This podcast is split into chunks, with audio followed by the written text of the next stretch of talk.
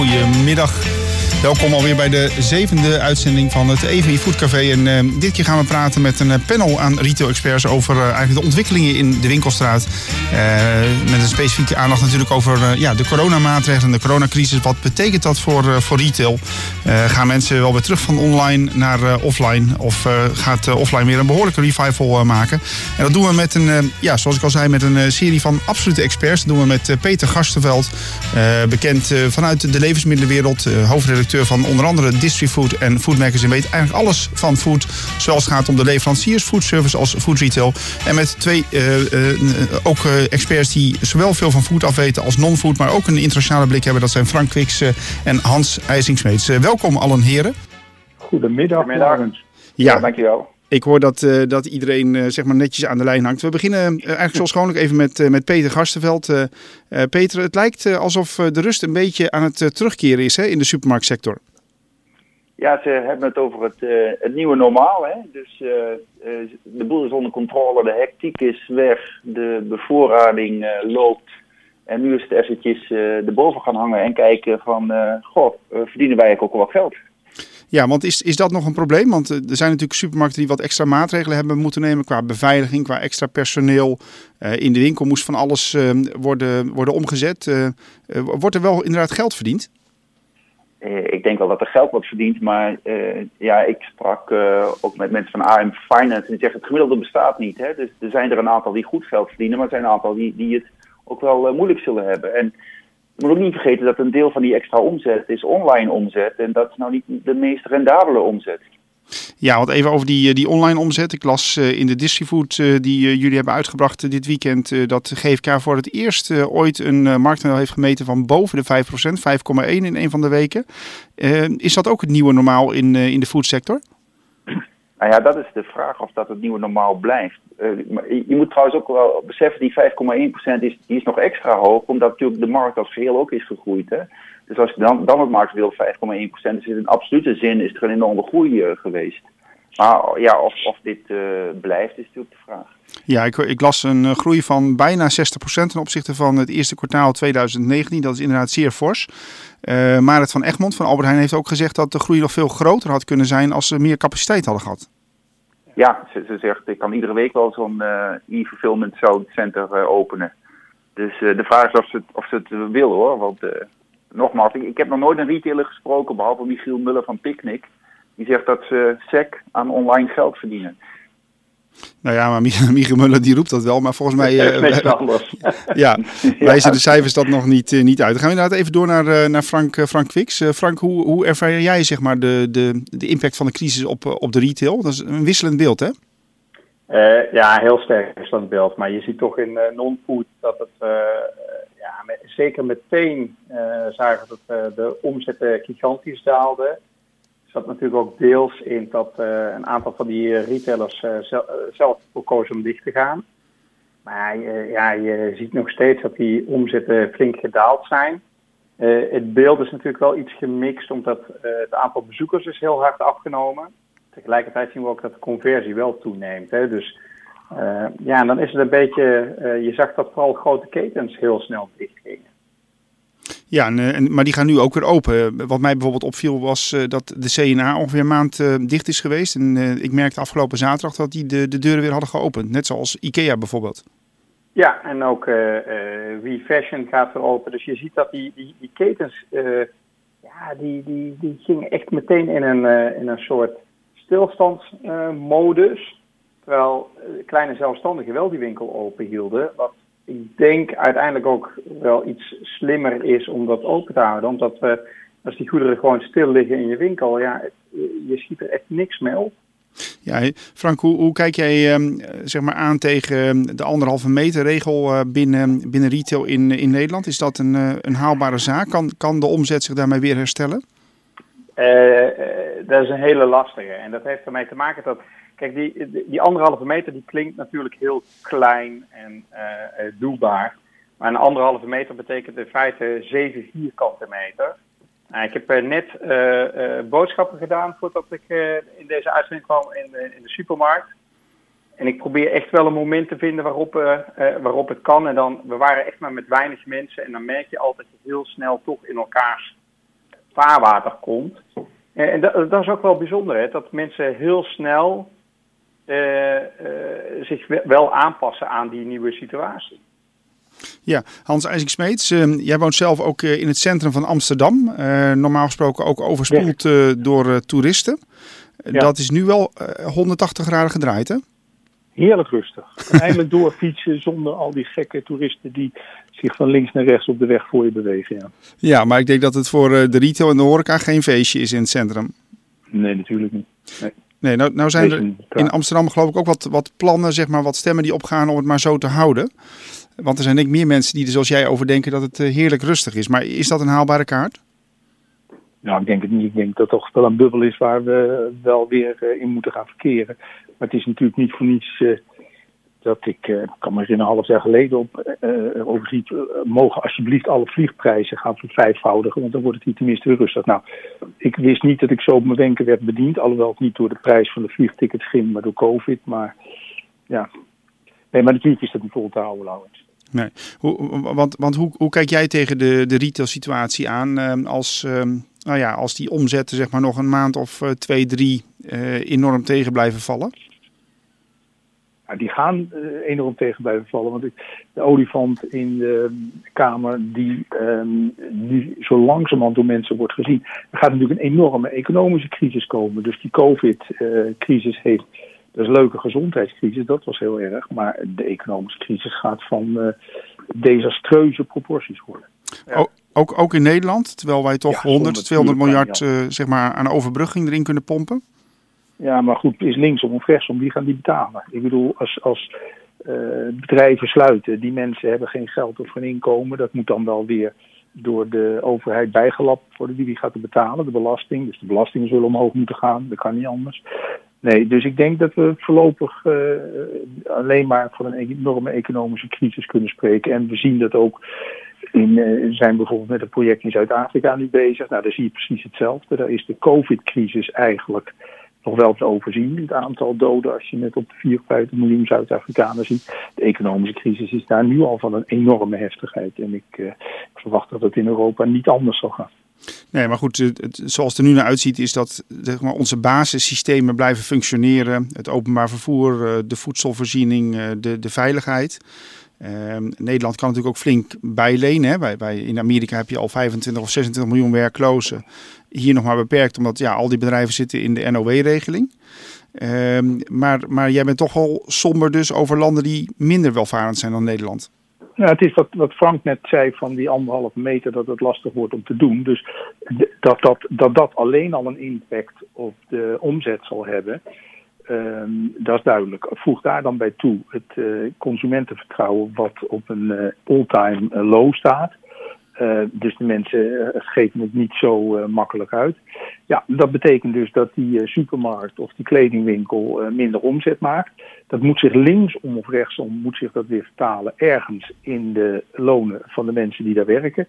Of de bestaansons, überhaupt de, de, de werkgelegenheidszekerheid. Nou, en vervolgens is het hele cirkeltje rond. Dat hoef ik jou als professor in de economie niet uit te leggen. Het een heeft wel ongelooflijk met het andere te maken. Ja. Hans, wat daarbij wel uh, nog speelt, als ik daarnaar kijk, hè, want het consumentenvertrouwen zie je zo dalen. En uh, jij zegt, ja, dat zal zich ook op een of andere manier moeten vertalen in, die, uh, in lonen. Hè. iets mm. wat in ons land natuurlijk totaal onbespreekbaar is. En ik verbaas me daar ook van de week weer over met de vormer van CNV. Weet je, ik denk dat we naar een reset toe moeten, eh, waarbij ook eh, de lonen, en die zijn de afgelopen jaren echt aanzienlijk gestegen. Ik denk dat wij gewoon met z'n allen eh, er een beetje aan moeten wennen dat we op een lager welvaartsniveau zitten. En daar horen dus ook andere lonen bij. En eh, als je werkgelegenheid heel, wilt handhaven, ja, dat kan niet in de huidige situatie, omdat namelijk de eh, eh wat jij ook aangeeft in die anderhalve meter economie, die rendementen die gaan knetterhard naar beneden. En dat zal betekenen dat iedereen iets moet inleveren. En ik zie toch dat daar heel veel halstarrigheid zit uh, uh, bij verhuurders. Want die willen nog niet eraan dat we echt in een crisis zitten op een of andere manier. En ik zie dat ook toch bij die vakbonden. Ik denk van ja, en daar zitten grote verschillen. Hè? Want FNV heeft het al gehad over al heel vroeg in de situatie, ergens in maart, kwamen die al, misschien moeten we het vakantiegeld opschorten. Nou, jongens, dit, deze crisis die grijpt echt knetterhard in overal. Ja, precies Frank. En het, daar moet je nog bij tellen. We leven natuurlijk in Nederland niet op een eilandje. We zijn nu bezig met een project in Griekenland. Daar gaat het nog een keertje tien keer zo hard. Uh, Griekenland afhankelijk voor uh, 20% van toerisme. Gaat dit jaar helemaal doodvallen. Dat heeft ook consequenties voor wat er hier gaat gebeuren. Dat kan niet anders. Nee, dat, en, dat, en dat is ook zo, hè? want het, er is. Uh, kijk, uh, en ik denk dat die solidariteit die, waar we nu heel erg zeg maar, op ons eigen eiland de hele dag over zitten te praten. Maar joh, wij zijn open economieën. Hè? En ja, jij noemt Griekenland, Spanje, Italië geldt precies hetzelfde voor. Hè? Kijk, zo'n zo Spanje, daar is 15 tot 20 procent van hun bruto nationaal product is toerisme. Ah, ja, en dat willen ze laten lopen. Ja, dat kan bijna niet. Maar goed, uh, uh, onze grote vriend uit Amerika, de heer Donald Trump, uh, die, ah, die heeft eigenlijk al anderhalf maand geleden gezegd: we moeten uitkijken dat het middel niet erger aan het worden is dan, dan de kwaal. Um, ja. en, en het lijkt toch wel een beetje op dat we een gezondheidscrisis met z'n allen hebben verheven tot economische crisis. En de volgende crisis is natuurlijk een maatschappelijke crisis. Ja. Heeft Donald Trump niet gewoon gelijk? Uh, nee, ja, ik geef, hem niet, ik geef hem niet heel vaak gelijk. Nee, maar de, uh, of de middel, kijk, of de middel erger is dan de kwaal. Uh, kijk, ons, ons grote probleem was dus dat, als het in één keer heel snel omhoog schiet. Hè. Kijk, ik denk dat, en dan heb je een beetje het gevoel dat je gemanaged wordt door artsen nu en virologen. maar sommige van die artsen zeggen best wel slimme dingen nu. Want die zeggen, joh, we moeten die capaciteit gewoon heel hoog houden. En uh, uh, ja, het, dus wat je wilt is dat je zorgsysteem niet over de kop gaat. Nou, ik denk dat dat gelukt is.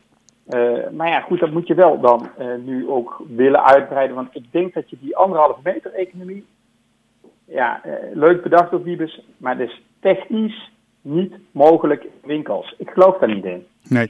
Nou, Peter Gastenveld, um, ja. het, het, lijkt wel alsof, hè, want de supermarkten hebben eigenlijk ook die anderhalve meter economie geïmplementeerd. Ze hebben uitgerekend dat dat betekent dat er gemiddeld uh, uh, één klant per 10 vierkante meter winkelruimte naar binnen mag. En dat was voor de supermarkten voldoende om, nou ja, gewoon 5 tot 10 procent meer omzet te draaien. Dus, dus waarom zou die anderhalve meter economie daar wel kunnen en uh, bij andere winkels niet? ik, ik, ik zou je een voorbeeld geven. Ik ging naar het Kruidvat en uh, daar was een gedwongen winkelroute en de dame voor me wilde lipstick. Dan zit ik te wachten tot ik er langs kan. Je kan ook lipstick nemen, Peter. ja, maar ik bedoel, dat is niet handig. Dus, en en die, die, die, die groei van die supermarkten, nogmaals, dat is een gemiddelde. Die komt met name bij de grotere winkels uh, die wat meer ruimte hebben en, en uh, die dus hun klanten kwijt kunnen. Daarbij komt dat, dat er één klant per kar is. En dat waar men vroeger 3,5 keer in de week naar een supermarkt ging, men nu wat rationele inkoop uh, doet. de gemiddelde besteding vliegt omhoog. En dus één keer in de week uh, veel boodschappen worden gekocht. Dus het, het, het productiemiddel supermarkt wordt gewoon efficiënter uh, benut. En dat is voor rationele boodschappen geen enkel probleem. Maar ja. heel veel retail is natuurlijk ook beleving. Hè? Ja, maar, bovendien is het natuurlijk zo dat, dat de supermarkten die absorberen ook alles wat je normaal in een restaurant of een café uit zou geven. Uh, en, en, een deel wat je bij uh, de drogist zou kopen. Hè? Ja. Uh, dus je, kijk, wij zijn er heel snel aan gewend geraakt dat we minder shoppingtrips doen. Hè? Want ik denk dat dat heel duidelijk is. als je naar de supermarkt kijkt, ja, kijk naar jezelf. Hè? Ik, als ik naar mezelf kijk, dan is het heel vaak dat, je, dat ik één of twee kinderen mee had. Hè? Ja, die, die, die, die neem ik nu niet meer mee. Dus de, de, de, ruimte om die car vol te krijgen, ja, dat, dat, uh, ja, ik kom nog maar heel weinig mensen tegen die dan met z'n tweeën gaan boodschappen doen. Die moeten dan ook nog met twee karren door de winkel lopen. Ja, maar zijn, zijn we misschien inderdaad uh, niet iets te, te negatief? Hè? Want A, je ziet dat consumenten hun gedrag aanpassen. Hè? Dus ze gaan met minder mensen naar de, de winkel en als ze gaan kopen ze functioneler. bovendien las ik uit de CBS-cijfers dat uh, ja, heel verrassend de omzetten in maart zelfs nog met 3,5% waren gestegen. Goed, fashion was in dan al wel... supermarkten dan? Nee, nee, nee. Uh, overal. Uh, alleen, ja, dus maar de... er zitten de, supermarkten, ja. er zitten de supermarkten bij en dan Precies, doe het zelf ja. en tuin. Ja. Maar ja, goed, in het begin dachten wij, hey, twee weken vakantie, twee weken thuis, een beetje werken, een beetje in de tuin. Hier was ook nog fantastisch. Nou, gaan we uh, maar eens even aan het huis klussen in de tuin zitten. Ja, jongens, dat, dat, uh, als je naar het paasweekend kijkt, dan is natuurlijk de tuincentra draaiden niet slecht, maar niet te vergelijken met Pasen vorig jaar. Nee, maar wat ik, als ik de cijfers bestudeer, zijn met name zeg maar, de, de kledingwinkels en, en, en de schoenenwinkels die een enorme klap hebben gehad. En voor de rest viel het eigenlijk wel mee. Ja, ik, ik vind ook wel hoor, dat, dat over het algemeen wat ik van bij de andere heren hoor, uh, is een heel pessimistisch geluid. Maar, maar je moet ook wel rekenen dat die consument, die gaat niet op vakantie, die heeft, krijgt eind mei een bulk vakantiegeld. Uh, die wil toch wel wat doen. Dus die zal wel uh, zich wurmen in gaatjes om toch dat geld uit te geven. En dan nee, maar dat, ook... Peter, dat ben ik ook wel met je eens. Hè. Ik, ik, het, het feit dat mensen niet op vakantie kunnen gaan, hè, dat zorgt in elk geval dat een deel van het geld wat anders in andere landen terecht was gekomen, dat dat ook in Nederland terecht komt. Hè. Dus de, de, de, ik zie wel kansen, maar tegelijkertijd, hè, wij doen iedere week een trekker uh, en vragen we aan wat mensen verwachten de komende weken te besteden. Hè. 40% van de Nederlanders verwacht de komende week nog steeds minder uit te geven dan dat ze normaal zouden doen. Ja, dat, is, ja, dat gaat alleen nog maar naar beneden. Van. Ja, en dat, Want dat, dat kan niet anders. Nee, maar is dat, een, dat, uh, is dat een kwestie van willen of kunnen? Als winkels nee, dicht zijn. Nee, dat is, dat, is, dat, is, dat, is, dat is van willen. Want uh, kunnen uitgeven, er zijn uh, alle winkels in Nederland, uh, 85% van de winkels is open. je kunt er gewoon naartoe, je mag er naartoe. ja, dat ligt er een beetje aan naar welke uh, uh, politicus je luistert. Als je naar Rutte luistert, die zegt ga niet. maar Mona Keizer, die er toevallig over gaat, die zegt ga wel en koop lokaal. Dus, dus we mogen wel winkelen, alleen het verstandig doen. ja, maar ik denk zit een, het punt zit ja? een beetje in het woord winkelen wat je gebruikt. Hè? Want winkelen veronderstelt flaneren, jezelf vermaken, beleving ik denk dat mensen in deze fase heel veel rationele dingen doen. En dat zie je ook vooral ook terug in dat, dat, dat heel veel online wordt uh, gekocht, omdat die ja. uh, zonder beperkingen open zijn. Uh, maar op het moment dat, dat de boel, de teugels wat worden losgelaten, ja, er is een drang om naar buiten te gaan. Ik merk het gewoon ja. aan iedereen. Ja, dat, dat, dat, dat ben ik ook met je eens. En wat ik wel zie, en ik denk waar de kansen liggen voor de ondernemers, is om te zorgen dat mensen wat rationeler ook die aankopen. Dus ook als je het over kleding of over schoenen hebt, dat je dan uh, bijvoorbeeld zorgt dat een, het stuk van die customer journey, wat jij net noemde, Peter, was de experience, de beleving je in de winkel hebt. Hè, want dat is minder bij supermarkten en meer natuurlijk mode, schoenen en dergelijke en meubels. Dat je dat toch iets verder naar voren trekt, al in de, in de online oriëntatie. Dat je wat gerichter ja. je aankopen kunt doen. En ik zie ook ondernemers die dat doen, hè, ook in mode, die dus mensen uh, fotootjes sturen uh, via WhatsApp, vervolgens een afspraak maken. Als die die mensen binnenkrijgen, ik heb ondernemers gehoord die zeggen, ja joh, als ze binnenkopen, kopen ze meer dan ooit. Ja, wat bijvoorbeeld ook een uh, tak van sport is die behoorlijk gegroeid is. Dat zijn toch wel veel speciaalzaken. Of het nou bakkers zijn of slagers, die inderdaad ook heel veel lokaal contact hebben. Daar hoor ik groeicijfers van 25 tot 30 procent van. Dus is het wel ook, uh, zijn we ook niet een beetje aan het herontdekken, zeg maar, uh, het mooiste dat we hadden eigenlijk. Nee, maar we konden niet, uh, Laurens, naar het café. We konden niet naar het restaurant. We konden heel veel niet. Dus we zijn die dingen gaan doen. Je ziet ook dat uh, het zelf koken allemaal weer ontdekt is en leuk is. En uh, potten en pannen daarvoor nodig zijn en et cetera. Maar ik denk toch dat we die grote olifant in de Kamer toch wel even moeten bekijken. We hebben dus nu een aantal maanden waarin dus de hele economie op slot zit. Um, de marktwerking zorgt er altijd voor dat uh, winsten niet zodanig tot in de hemel kunnen groeien. Dat je voor jaren vet op de botten hebt als bedrijf. Dat heb je gewoon niet. Dus er gaan mensen die gaan hier knijpen zitten.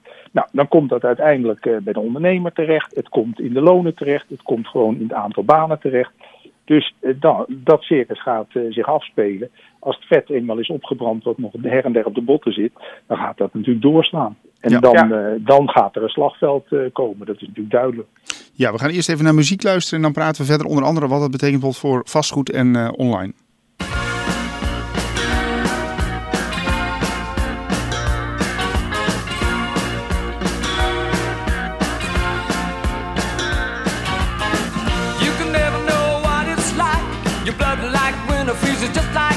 There's a cold and lonely light that shines from you. You cigarette you hide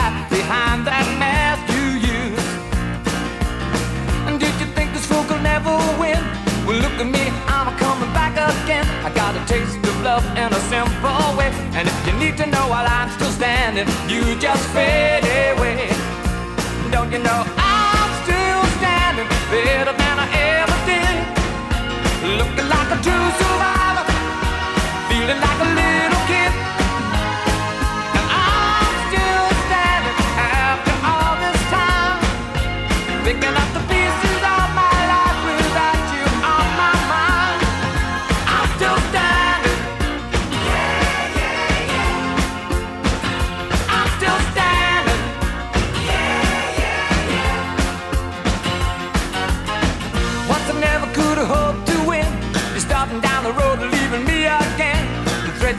made were meant to cut me down. And if my love was just a circus, you'd be a clown by now.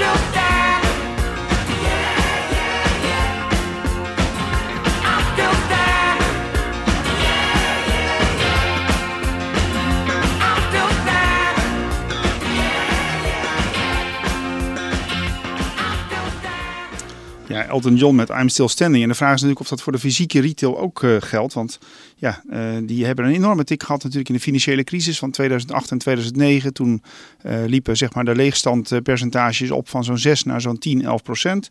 Dat leek weer een beetje onder controle richting de 7, 8 procent. Maar ik denk, Hans IJsingsmeets, eh, dat we in het najaar veel lege winkelstraten zien. Hè? Ja, die, die trend was natuurlijk toch al bezig. Hè? Er zijn natuurlijk heel veel eh, al niet meer de beste winkelstraten die aan het leeglopen zijn. De uiteinden van de betere winkelstraten waren ook al aan het leeglopen. Dat gaat nu eh, dubbel zo hard, zonder enige twijfel. Hoe kijk jij daarna, Frank Kwiks? Ja, ik, ehm, eh, ik verwacht wel dat er meer leegstand komt. Ik eh, vraag me wel af wat eh, de A1-locatie voor de toekomst is. Hè. Kijk, als, eh, als mensen echt zeg maar, grote groepen eh, voorlopig even willen mijden, dan zou het nog wel eens, en dat is ook wel een beetje wat wij zien nu de afgelopen weken in die metingen die wij doen, is dat eh, zeg maar lokale eh, winkelcentra en eh, winkelcentra bij jou, zeg maar in je eigen stad of dorp, dat die aantrekkelijker zijn om te bezoeken dan de grote stad. En dat is ook een beetje, denk ik, wat, wat je tot nu toe zag de afgelopen weken. Hoewel de berichten die gisteren van Tilburg voorbij zag komen, waar een burgemeester toch weer een oproep moet doen om mensen weer uit het centrum te krijgen. Eh, ja, dat, dat is zo'n beetje een spanningsveld. Maar ik verwacht wel echt dat er serieus veel eh, retailers gaan omvallen. Hè. Dus eh, zeker een non-food moeten we dat verwachten. En ik denk dat Hans dat...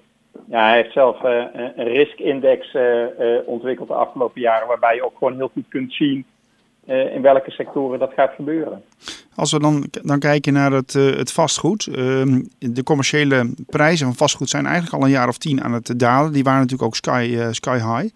Hoeveel verder kan dat nog dalen, zeg maar, om die winkels toch bezet te houden? Want als ik dan bijvoorbeeld kijk naar zo'n beurskoers van, van Unibail Rodamco, is geloof nog maar een vierde van wat het was. Hans, Hans IJsink, eh, hoe Ja, nou ja, je ziet ook dat is natuurlijk al een trend die een tijd lang eh, aan de gang is. Ehm, dat er ongelooflijke druk op de, op de vierkante meter eh, prijzen zit. Maar dat ja, iedereen natuurlijk een beetje de hele tijd heeft tegenlopen te drukken van de huurbazen. Dan, dat gaan, gaan we toch niet meemaken. Dus ik denk dat deze crisis dat proces nu echt wel doordrukt. Ehm, ja, en vervolgens is het probleem weer bij de banken, want dan moeten ze daar weer terecht. Nou ja, en vervolgens, alleen hebben we dus de economische crisis. Ja, ja maar, blijft terugkomen, die crisis. Ja, ja maar dat, dat is, kijk, ik merk op het ogenblik, want wij, wij helpen dus retailers op het ogenblik om allerlei eh, scenario's te maken voor verschillende dingen. Je ziet het per week, zie je het veranderen wat er gebeurt. Dus we kunnen nu met mooi weer buiten en uh, minder coronadoden kunnen we denken, ah, het is over, we kunnen weer fijn ademhalen ik ben een zeiler en als ik op de Waddenzee zie en, zit en ik zie een hele grote donderwolk aankomen, dan ga ik wel mijn zeilen naar beneden halen. En ik, ik denk dat, uh, dat we, uh, nou, de hele flauwe cliché van uh, prepare for the worst and hope for the best, ik denk dat dat toch wel aan de hand is. En van mij, het is e evident dat de crisis eraan komt.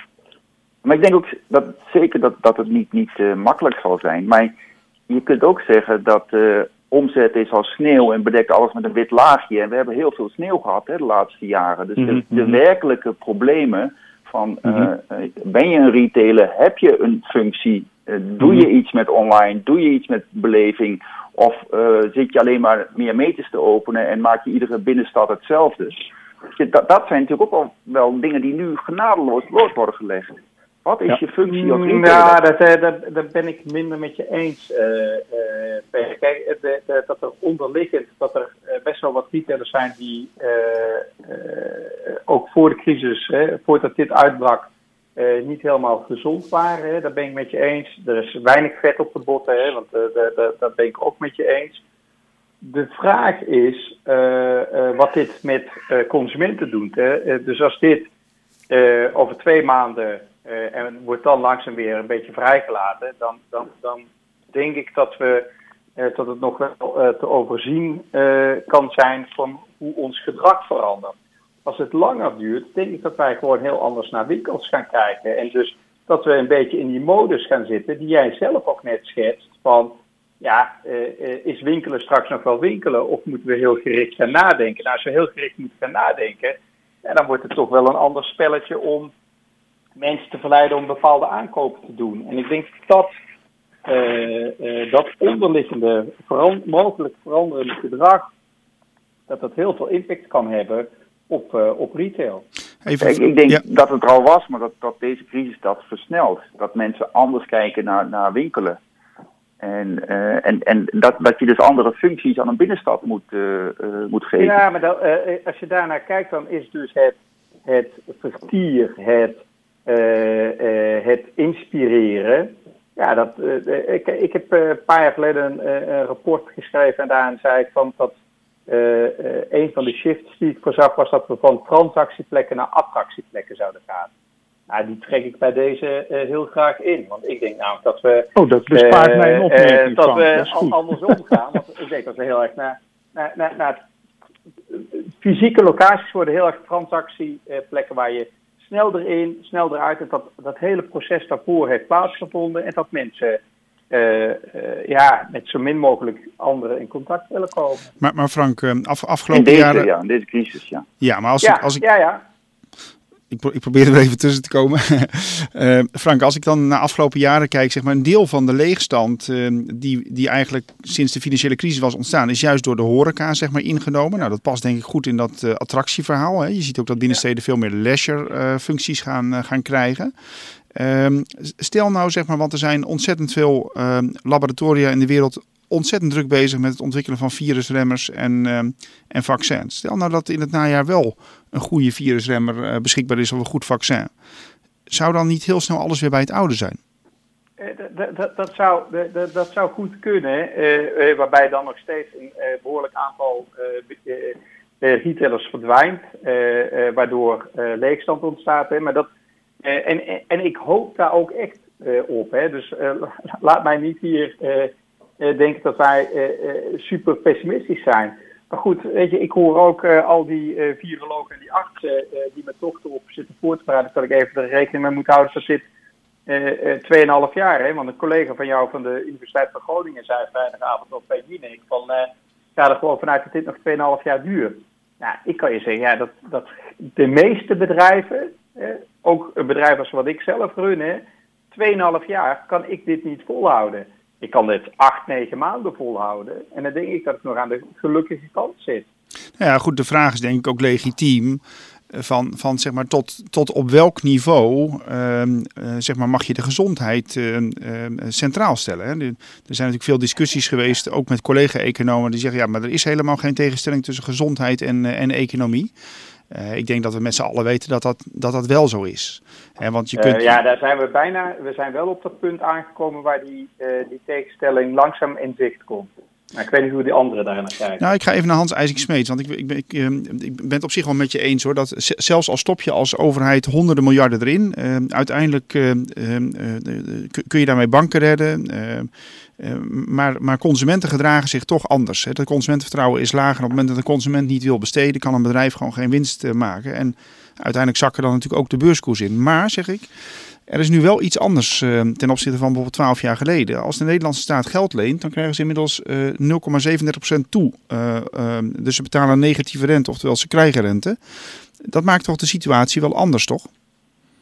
Hans nou, kijk, over macro-economie, daar zijn bij jou aan de universiteit vast meer geleerde koppen dan ik ben. Ik weet veel van retail, maar dat weet ik allemaal niet precies. Ik weet alleen wel dat dingen precies allemaal doorgegeven worden.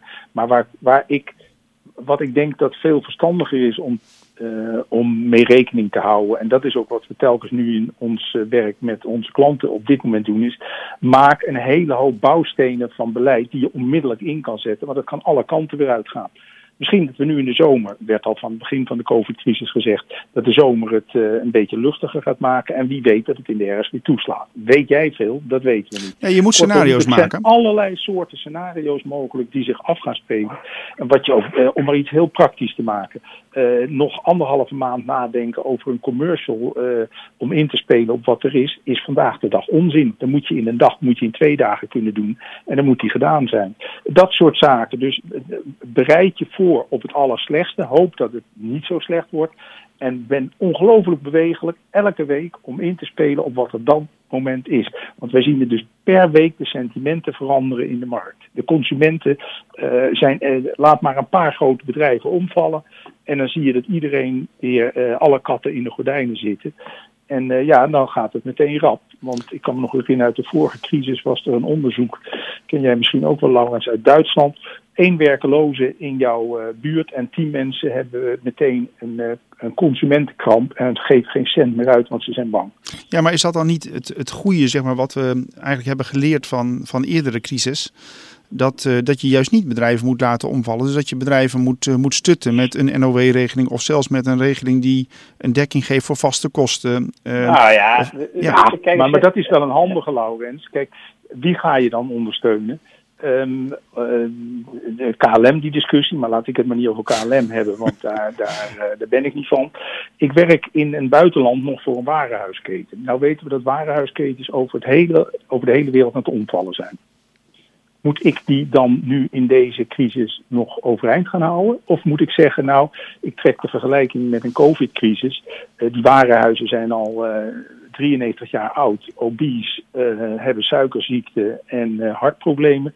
Uh, laten we die een leuke palliatieve behandeling geven. En het is einde oefening. Dat is natuurlijk voor veel retailers is dat aan de hand. Waarvan we moeten zeggen dat door al, hè, en zeker kijk maar weer naar de non-food, daar zie je dus de enorme tangbeweging. Aan de ene kant de fast, fast fashion spelers, Zara, Primark, dat soort jongens. Anderzijds um, online uh, heel veel retailers zodanig in de knijp heeft. Dat je moet echt denken van nou gaan we die nog op de economische uh, intensive care toelaten. Ja, maar de vraag is natuurlijk of, of je dat, dat nu moet beslissen. Hè? Want, want uh, dan zou je namelijk nu ja, per bedrijf moeten beslissen of ze zeg maar wel of geen beroep op een collectieve regeling kunnen doen. En dat lijkt me toch buitengewoon lastig. Jawel, maar de discussie wordt wel is niet helemaal gratuit, want uiteindelijk moet ik als belastingbetaler moet ik dat toch weer opheffen. Om maar even nog bij de, bij de airlines te blijven. Meneer Oli, de baas van uh, Ryanair, die zegt ja, waarom worden non de du al die grote lompe staats uh, vlieg, uh, vlucht, uh, vliegbedrijven overeind gehouden. Ik krijg geen stuiver en eigenlijk was het businessmodel van die, van die overheidsbedrijven, KLM, Air France, et cetera, was al aan zijn end. Dus laat hij alsjeblieft overlijden en dan is er weer een mooie nieuwe ja. lente, nieuw geluid en dan kan er iets nieuws opgroeien. Peter Gasterveld, hoe, hoe, kijk jij tegen al die staatssteun aan? Ik bedoel, dat is voor supermarkten wellicht niet nodig, maar ik denk voor de Sligro's en de Bitfoods en de horeca van deze wereld wel. Nou ja, kijk, wat je moet doen is in deze situatie zorgen dat, dat je in ieder geval niet onnodige schade krijgt. En uh, uiteindelijk bepalen natuurlijk consumenten of bedrijven wel of niet, uh, niet doorgaan. En die, die, die staatsschuld nu, of die, die, die hulp, die is natuurlijk hartstikke goed. En, en ook heel erg moedig, vind ik. Maar hij is natuurlijk niet uh, oneindig. En nee. de, ik zei net ook al, je moet er boven gaan hangen. De sneeuw is weg. En, en de pijnlijke te tekortkomingen, die, komen, ja, die worden zichtbaar. En het concept warenhuis, dus onder één dak proberen iets van een longtail fysiek permanent op voorraad te houden.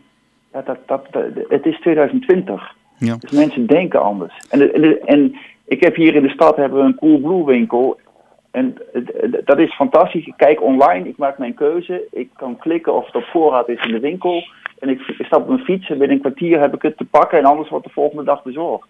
Ja. Wat, wat, wil ik nog meer als klant? En hoe, hoezo wil je daar dan in een winkelstraat tegen opboksen. Vergeet dat gewoon. Ja, misschien is het meest, uh, meest kenmerkend wel dat uh, Adyen uh, heeft besloten om het hoofdkantoor in het voormalig pand van Hudson Bay aan het Rokin zeg maar, te vestigen. Hè, dat geeft ook wel een beetje aan zeg maar, dat alles wat met online bezig is eigenlijk offline aan het verdrijven is. Daar gaan ja, we zo... Er zijn, ja. er, er, natuurlijk een andere, er, er zijn natuurlijk andere functies en, die, die in een binnenstad kunnen. Hè. Als je kijkt naar, naar Amsterdam en naar de huizenmarkt dan als je een, een deel van die retail tot woonruimte ombouwt. Er zijn een heleboel buitenlandse investeerders die echt knal veel geld willen stoppen in de Nederlandse huizenmarkt. Omdat die eigenlijk te goedkoop uh, is, vinden zij. Want die kijken naar Londen, Moskou, uh, New York, et cetera. Uh, dus, dus kijk, het is helemaal niet erg als er wat retail verdwijnt. Ja, maar als het was dat was... wordt en kwalitatiever, gekoppeld aan goede horeca, want dat is op dit moment is er geen horeca, dus dat maakt de discussie ook troebel, want je kunt niet winkelen en nog een kop koffie drinken op het terras, dus je gaat niet winkelen. Uh, ja, de, dan, dan, dan. Uh, nou, Peter, maar als je kijkt naar de horeca, hè, want uh, dus, we kunnen ons zorgen maken over de retail, maar over de horeca, daar maak ik me nog echt heel veel meer zorgen op dit moment. Ja, terecht omdat, uh, weet je, uh, kijk, ik zie ook allerlei uh, columns voorbij komen van allerlei mensen die van alles vinden in het FD. maar die vergeten dan wel, hè, zeker als je naar horeca. Hè, zei al, van de afgelopen jaren zijn allemaal horeca-ondernemers ook in die winkelstraten gekomen. Nou, dat klopt. Dat zijn relatief jonge ondernemingen. Die hebben geen vet op de bot. Hè. Die hebben er mega investeringen gedaan. die hebben winkels omgebouwd naar restaurants. Uh, dat vergt enorme investeringen. Uh, sommige daarvan zijn eigenlijk pas begin van dit jaar open gegaan. Die kunnen niet eens aanspraak maken op ja, de NOW. Hè? Ja, maar ik, ik zei ook niet dat er andere functies voor de binnenstad zijn. En ik zei daarbij niet horeca. Hè. Ik denk dat heel heleboel horeca geopend is op het randje van goede wil en naïviteit. En, want ik, ik ben ook hoofddirecteur geweest van Misset Horeca. En ik weet de kwaliteit van horeca-ondernemers. Dat zijn echt mensen die heel graag willen. Maar het zijn ook mensen wiens hart in de keuken ligt en niet uh, ja. in het Excel-sheet. Uh, ja, ja dat is nou eenmaal zo. Ja, we, gaan zo uh, als, als laatste onderdeel van het programma nog even praten over de switch van offline uh, naar online. Maar we gaan eerst nog even naar uh, The Weekend luisteren.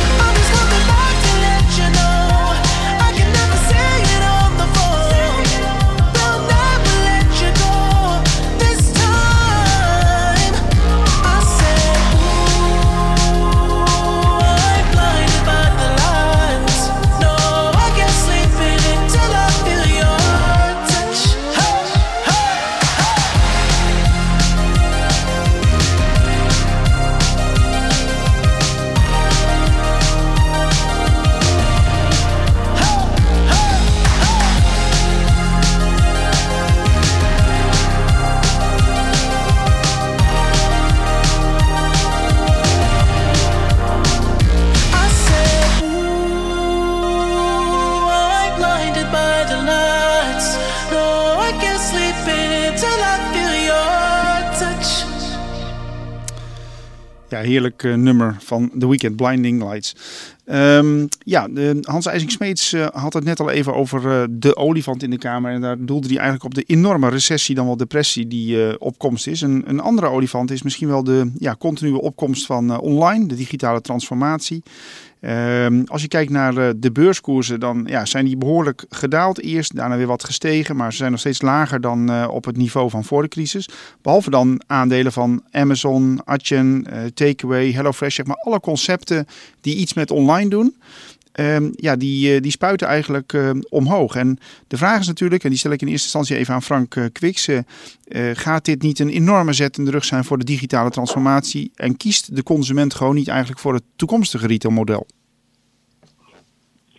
Ja, ik, heb het li- liever niet over eh, online of offline, maar ik heb het liever over eh, het digitaliseren. En daarin eh, denk ik dat eh, winkels ook nog steeds een, eh, een functie hebben. Maar ik denk dat je. Als ik kijk naar wat die crisis voor mij eigenlijk nu gebracht heeft, hè, zijn, eh, ik heb drie C's genoemd. Eh, eentje is content, creativiteit en connectie. En wat je ziet is dat ook hè, door gebruik te maken van die digitalisering, je daar goede content kunt neerzetten, waardoor je mensen ook kunt inspireren. Eh, Peter die noemde net bijvoorbeeld al eh, Coolblue. Ik denk dat zij dat heel goed doen. Ik denk dat nu ook, ik zie een aantal modebedrijven dat nu ook, hè, vooral kleinere ondernemers ik dat doen. Daar zit ook wat meer creativiteit. Maar daarmee maken ze wel gebruik van die digitalisering. Dus of dat dan per se altijd een webshop moet zijn, dat weet ik niet. Ik heb eh, een onderneemster in eh Bunschoten, die verkoopt nu heel veel via WhatsApp. Ja, uiteindelijk gaat het via een tikkie en zij stuurt fotootjes van dingen, hangt dat bij jou aan de deur op. Dan kun je zeggen, ja, dat is niet schaalbaar. Ja, het zal wel zijn, eh, maar zij draait wel omzet in Bunschoten. En anderen draaien geen omzet. Dus ik, ik heb het liever over digitalisering, gebruik maken van alle middelen die je hebt, dan eh, alleen maar over online praten. Het, gaat omhoog, het zal ook hoger, een hoger nieuw niveau krijgen, maar het gaat niet 100% online worden. Ga ik even naar Hans IJsing Smeets. Hans, hoe kijk jij tegen die digitale eh, transformatie aan? Want ehm, je kunt inderdaad natuurlijk een, een omnichannel strategie hebben met en winkels ehm, eh, en alles dat je online doet en zeg maar dat je klanten ook digitaal blijft eh, volgen. Maar je maakt nog steeds dubbele kosten dan. Of is het... Dat maak je. Ja. En dat, dat is dus de, de squeeze waar alle retailers die met een online, eh, online inline, multi-channel, whatever ze het ook noemen, strategie werken. Kijk, zolang die omzet nog maar een procentje is of een half procentje of anderhalf procent, dan doet dat allemaal geen pijn. Maar als het dus grotere percentages worden, doet het wel pijn. Want eh, het thuisbezorgen is nou eenmaal een veel duurdere manier om eh, de spullen bij de klant te krijgen. Daar komt nog eens als volgt bij, en ik denk dat we daar in deze tijd toch ook wel heel erg bewust van moeten zijn. Er is nu genadeloos aan het licht gebracht hoe essentieel, eh, laat maar even over de supermarkten hebben, hoe essentieel supermarkten zijn in domweg iets heel simpels, namelijk het voeden van onze samenleving. En het zorgen dat er eh, alcohol is om je handen schoon te maken, et cetera.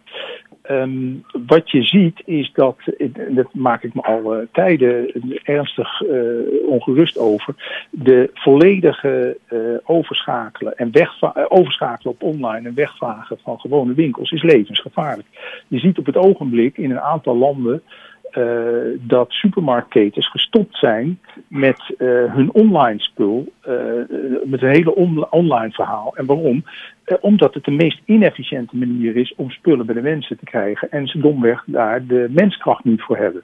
Dus dat gaat niet over. Eh, dus het zou heel eng zijn als het grootste gedeelte van Nederland voortaan eh, online boodschappen krijgt. Want dan eh, doen we weer een nieuwe COVID, nou dan doen we niet de COVID-19, maar de COVID-23 overheen. En dan hebben we bal natuurlijk in onze samenleving. Ja, maar hoe, heb jij dan een verklaring van waarom, waarom zeg maar, die aandelen van die online bedrijven dan zo hard stijgen, ondanks de crisis? Of, of, of vind je dat de beurs misschien een beetje losgezongen is van de reële economie? Nou, dat is natuurlijk een bubbel die eh, dus op staat te wachten om, eh, om, te, om te ploffen. Dat kan niet anders. Ehm, in een aantal sectoren is natuurlijk het, eh, het online verhaal een heel logische en ook een goede. Er werd net gesproken, ik weet niet meer door, Peter of door Frank, over eh, Coolblue. Dat is een, een- een, duidelijk voorbeeld van een sector waar dat heel redelijk kan. Je ziet ook dat eh, Coolblue zich heel erg beperkt tot die categorieën in hun spullen waar ze het geld nog kunnen verdienen en waar ze het kunnen incalculeren in hun kostprijs. Maar dat gaat voor een supermarkt gaat het niet op. Maar het gaat ook voor mode gaat het niet op. Ehm, dus als eh modeketens online gaan doen, zolang het weinig eh, omzet is, dan is het leuk, want dan kan je het ook nog als marketingkosten meerekenen. Als dat 5 of 10 procent van de omzet is en ik moet wel tegelijkertijd al mijn winkels open houden, dan zie je dus onmiddellijk dat de marges in elkaar gaan eh, donderen. Ja, gaan we even naar Peter Gastenveld. Eh, Peter, ehm, we, hebben natuurlijk in, eh, in food retail hebben we een pure player met, eh, met Picnic, maar ook nieuwe initiatieven als Crisp en Local Heroes bijvoorbeeld, die eh, zeg maar de speciaalzaken verbindt in, eh, in Amsterdam via een app. Eh, maar er zijn ook ehm, ja, veel bestaande ketens die het vooral van winkels moeten hebben, zoals Albert Heijn en Jumbo, die inmiddels ook een aardige online operatie ehm, ernaast hebben. Maar jij, was, jij bent en, en blijft ook heel kritisch over de winstgevendheid van dat model, hè?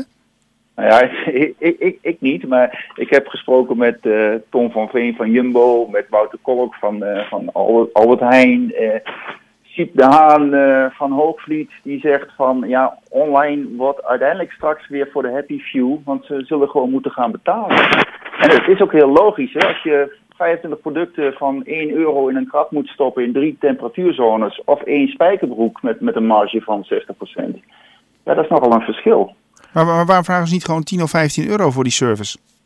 Nou, omdat ze denken op dit moment dat ze de boot niet willen missen. Hè? Ze zitten dus in een, in, in een markt waarin eh, marktaandeel eh, geldt.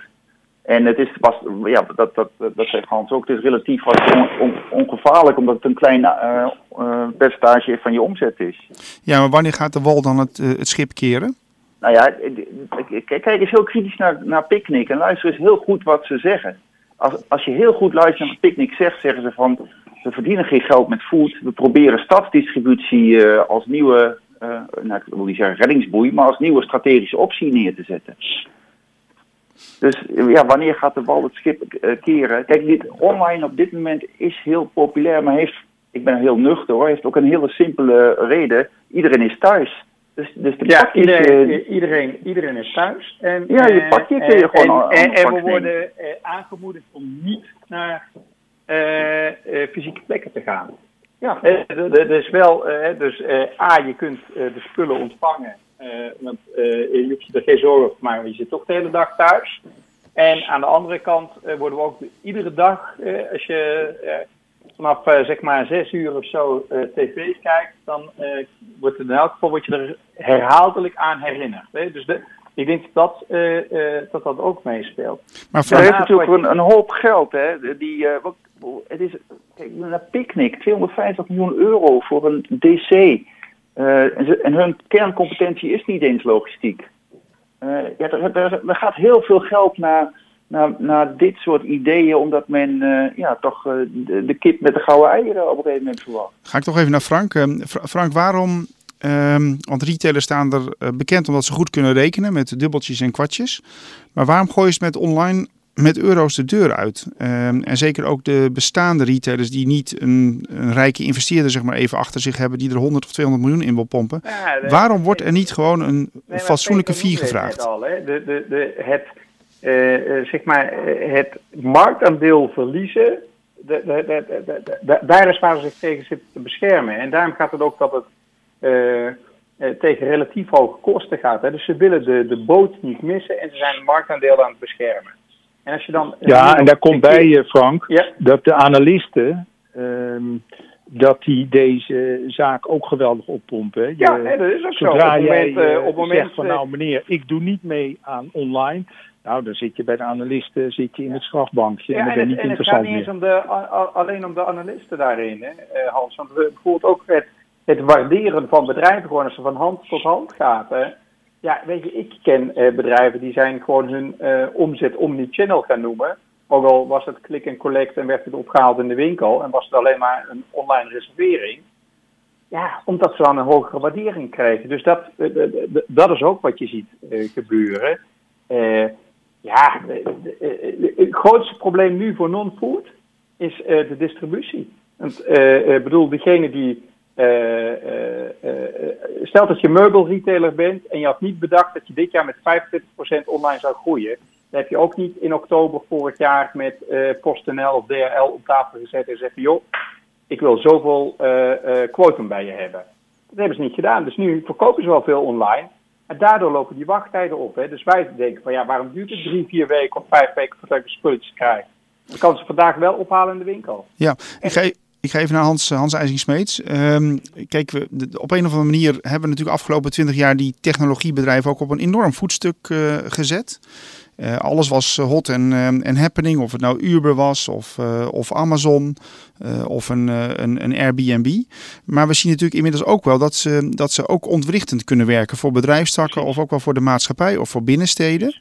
Ehm, nou ben ik niet bepaald een econoom van de oude stempel, maar ehm, zou, wordt het toch niet eens tijd om dat soort clubs of gewoon te gaan verbieden of, of er een fors belastingkaartje aan te hangen om ook zeg maar de, de reguliere retail de tijd te geven om wat te herstellen? Want je wilt niet, zeg maar dit soort schoksgewijze veranderingen, daar zit natuurlijk niemand op te wachten. Ja, ja ik ik hoor precies wat je zegt. Eh, Daar wordt al vaker over geroepen. Hè. De robber barons eh, van het begin van de 20e eeuw ook, dat die allemaal gekort zijn. Ehm, ik denk dat, eh, dat de macht eh, te ver gaat en te gro- groot wordt. En eh, ik denk dat het niet goed is voor de infrastructuur van een land. En als er één ding is wat we nu in de afgelopen twee, drie maanden hebben gezien, is dat het eh, fors ingrijpen van een overheid zo nu dan gewoon eh, nodig is. Dat laat onverlet dat je aan de andere kant toch wel de dynamiek van de markt zijn werk wil laten doen.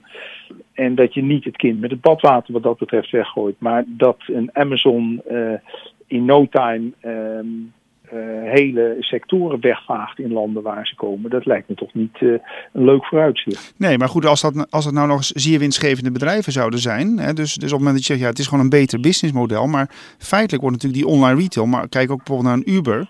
eh, het wordt gefinancierd door ehm, ja, enorme durfinvesteerders eigenlijk. Dus de vraag is of... Is het, Ja. eh, Laurens. Tulpenhandel. Ja, dat kennen we nog allemaal in onze geschiedenis, hè? 16 zoveel. Ja. Ja. Nee, maar het punt is een beetje, Laurens, van... Kijk, een overheid kan natuurlijk wel sturen en ingrijpen, maar de vraag is van wanneer en waar die eh, dan moet ingrijpen. Hè? Als je teruggaat naar, naar 2000, hadden we ook een internetbubbel hè, met, eh, eh, hoe heet dat, World Online en zo. En het web zou komen en iedereen zat in aandelen. Had, waar had de overheid toen moeten ingrijpen? Het resultaat was wel dat er uiteindelijk een paar bedrijven spectaculair zijn gegroeid met businessmodellen die we nooit hadden kunnen voorzien. Hè? Dan heb je het over Facebook, we hebben het over Google. Eh, dat, dat, Ja. ja. je, kunt toch niet zeggen dat Google een, een bedrijf is met een, een fout eh, verdienmodel. Het is geen leuk verdienmodel voor de uitgevers bijvoorbeeld. Maar het is natuurlijk wel een realiteit. Ja, Ja. maar, maar in, in hoeverre zou je ook als Europese Unie toch mogen zeggen, ja, allemaal leuk en aardig, maar dit zijn allemaal of Amerikaanse of Chinese bedrijven. Eh, we willen ook, zeg maar, ja, de digitale business niet zomaar weggeven. Z- zouden we niet wat meer protectionistisch dat, dat, moeten dat zijn? aan ondernemers. Ik vind, ik eh, vind het overheidsingrijpen wat nu gebeurt, eh, eh, daar ben ik ook zelf als ondernemer heel erg blij mee dat ze eh, geld ter beschikking stellen om iets te kunnen overbruggen. Eh, eh, overigens ook vanwege iets wat zij zelf ingrijpen. Hè, want zij zeggen, jongens, er mag even, eh, een aantal dingen mag even niet. Eh, maar eh overheidsingrijpen in ondernemingen, ik ben daar niet zo'n hele grote voorstander van. Hans IJzink, eh, ja, voor jou het laatste woord. Ja, ik ben. Ik, ik, ik, voor beide scholen eh, ben ik te porren, maar ik denk toch dat er echt iets groots aan de hand is. Kijk, als iemand eh, ergens, nergens hier in Europa eh, belasting betaalt en er vandoor gaat met de poet, volg het dan volgens die manier maar eens op. Eh, laat ze gewoon eens belasting betalen. Dat lijkt me ook al wat. Ja. Dat is een, Ja. iets wat in Engeland wordt een discussie is van het afgelopen jaar. Waarbij dus alle mensen die aan business fees aan, aan steden en eh, andere belasting eh, moeten betalen, die gaan onderuit in de Engelse winkelstraat. En dan mogen al die online spelers mogen gratis eh, bal maken. Daar, daar, dat klopt. daar- kan ik me helemaal klopt bij aansluiten. Ik ben niet tegen belasting betalen. Maar daar wordt ook aan gewerkt, hè? Ik bedoel, dat, dat is overduidelijk. Ze hebben het zelfs over opknippen van die grote techreuzen. Ja, of dat allemaal gaat gebeuren, dat, eh, daar moeten we een volgende keer maar eh, over, eh, over gaan praten. Ik wil jullie hartelijk bedanken. Het panel bestaande uit Peter Gasterveld, Hans IJziksmeets en Frank Wiks. Hartelijk bedanken voor hun bijdrage. En uiteraard ook onze technicus van dienst, de onvolprezen Marcel Bonte. Ik wens iedereen nog een hele fijne dag.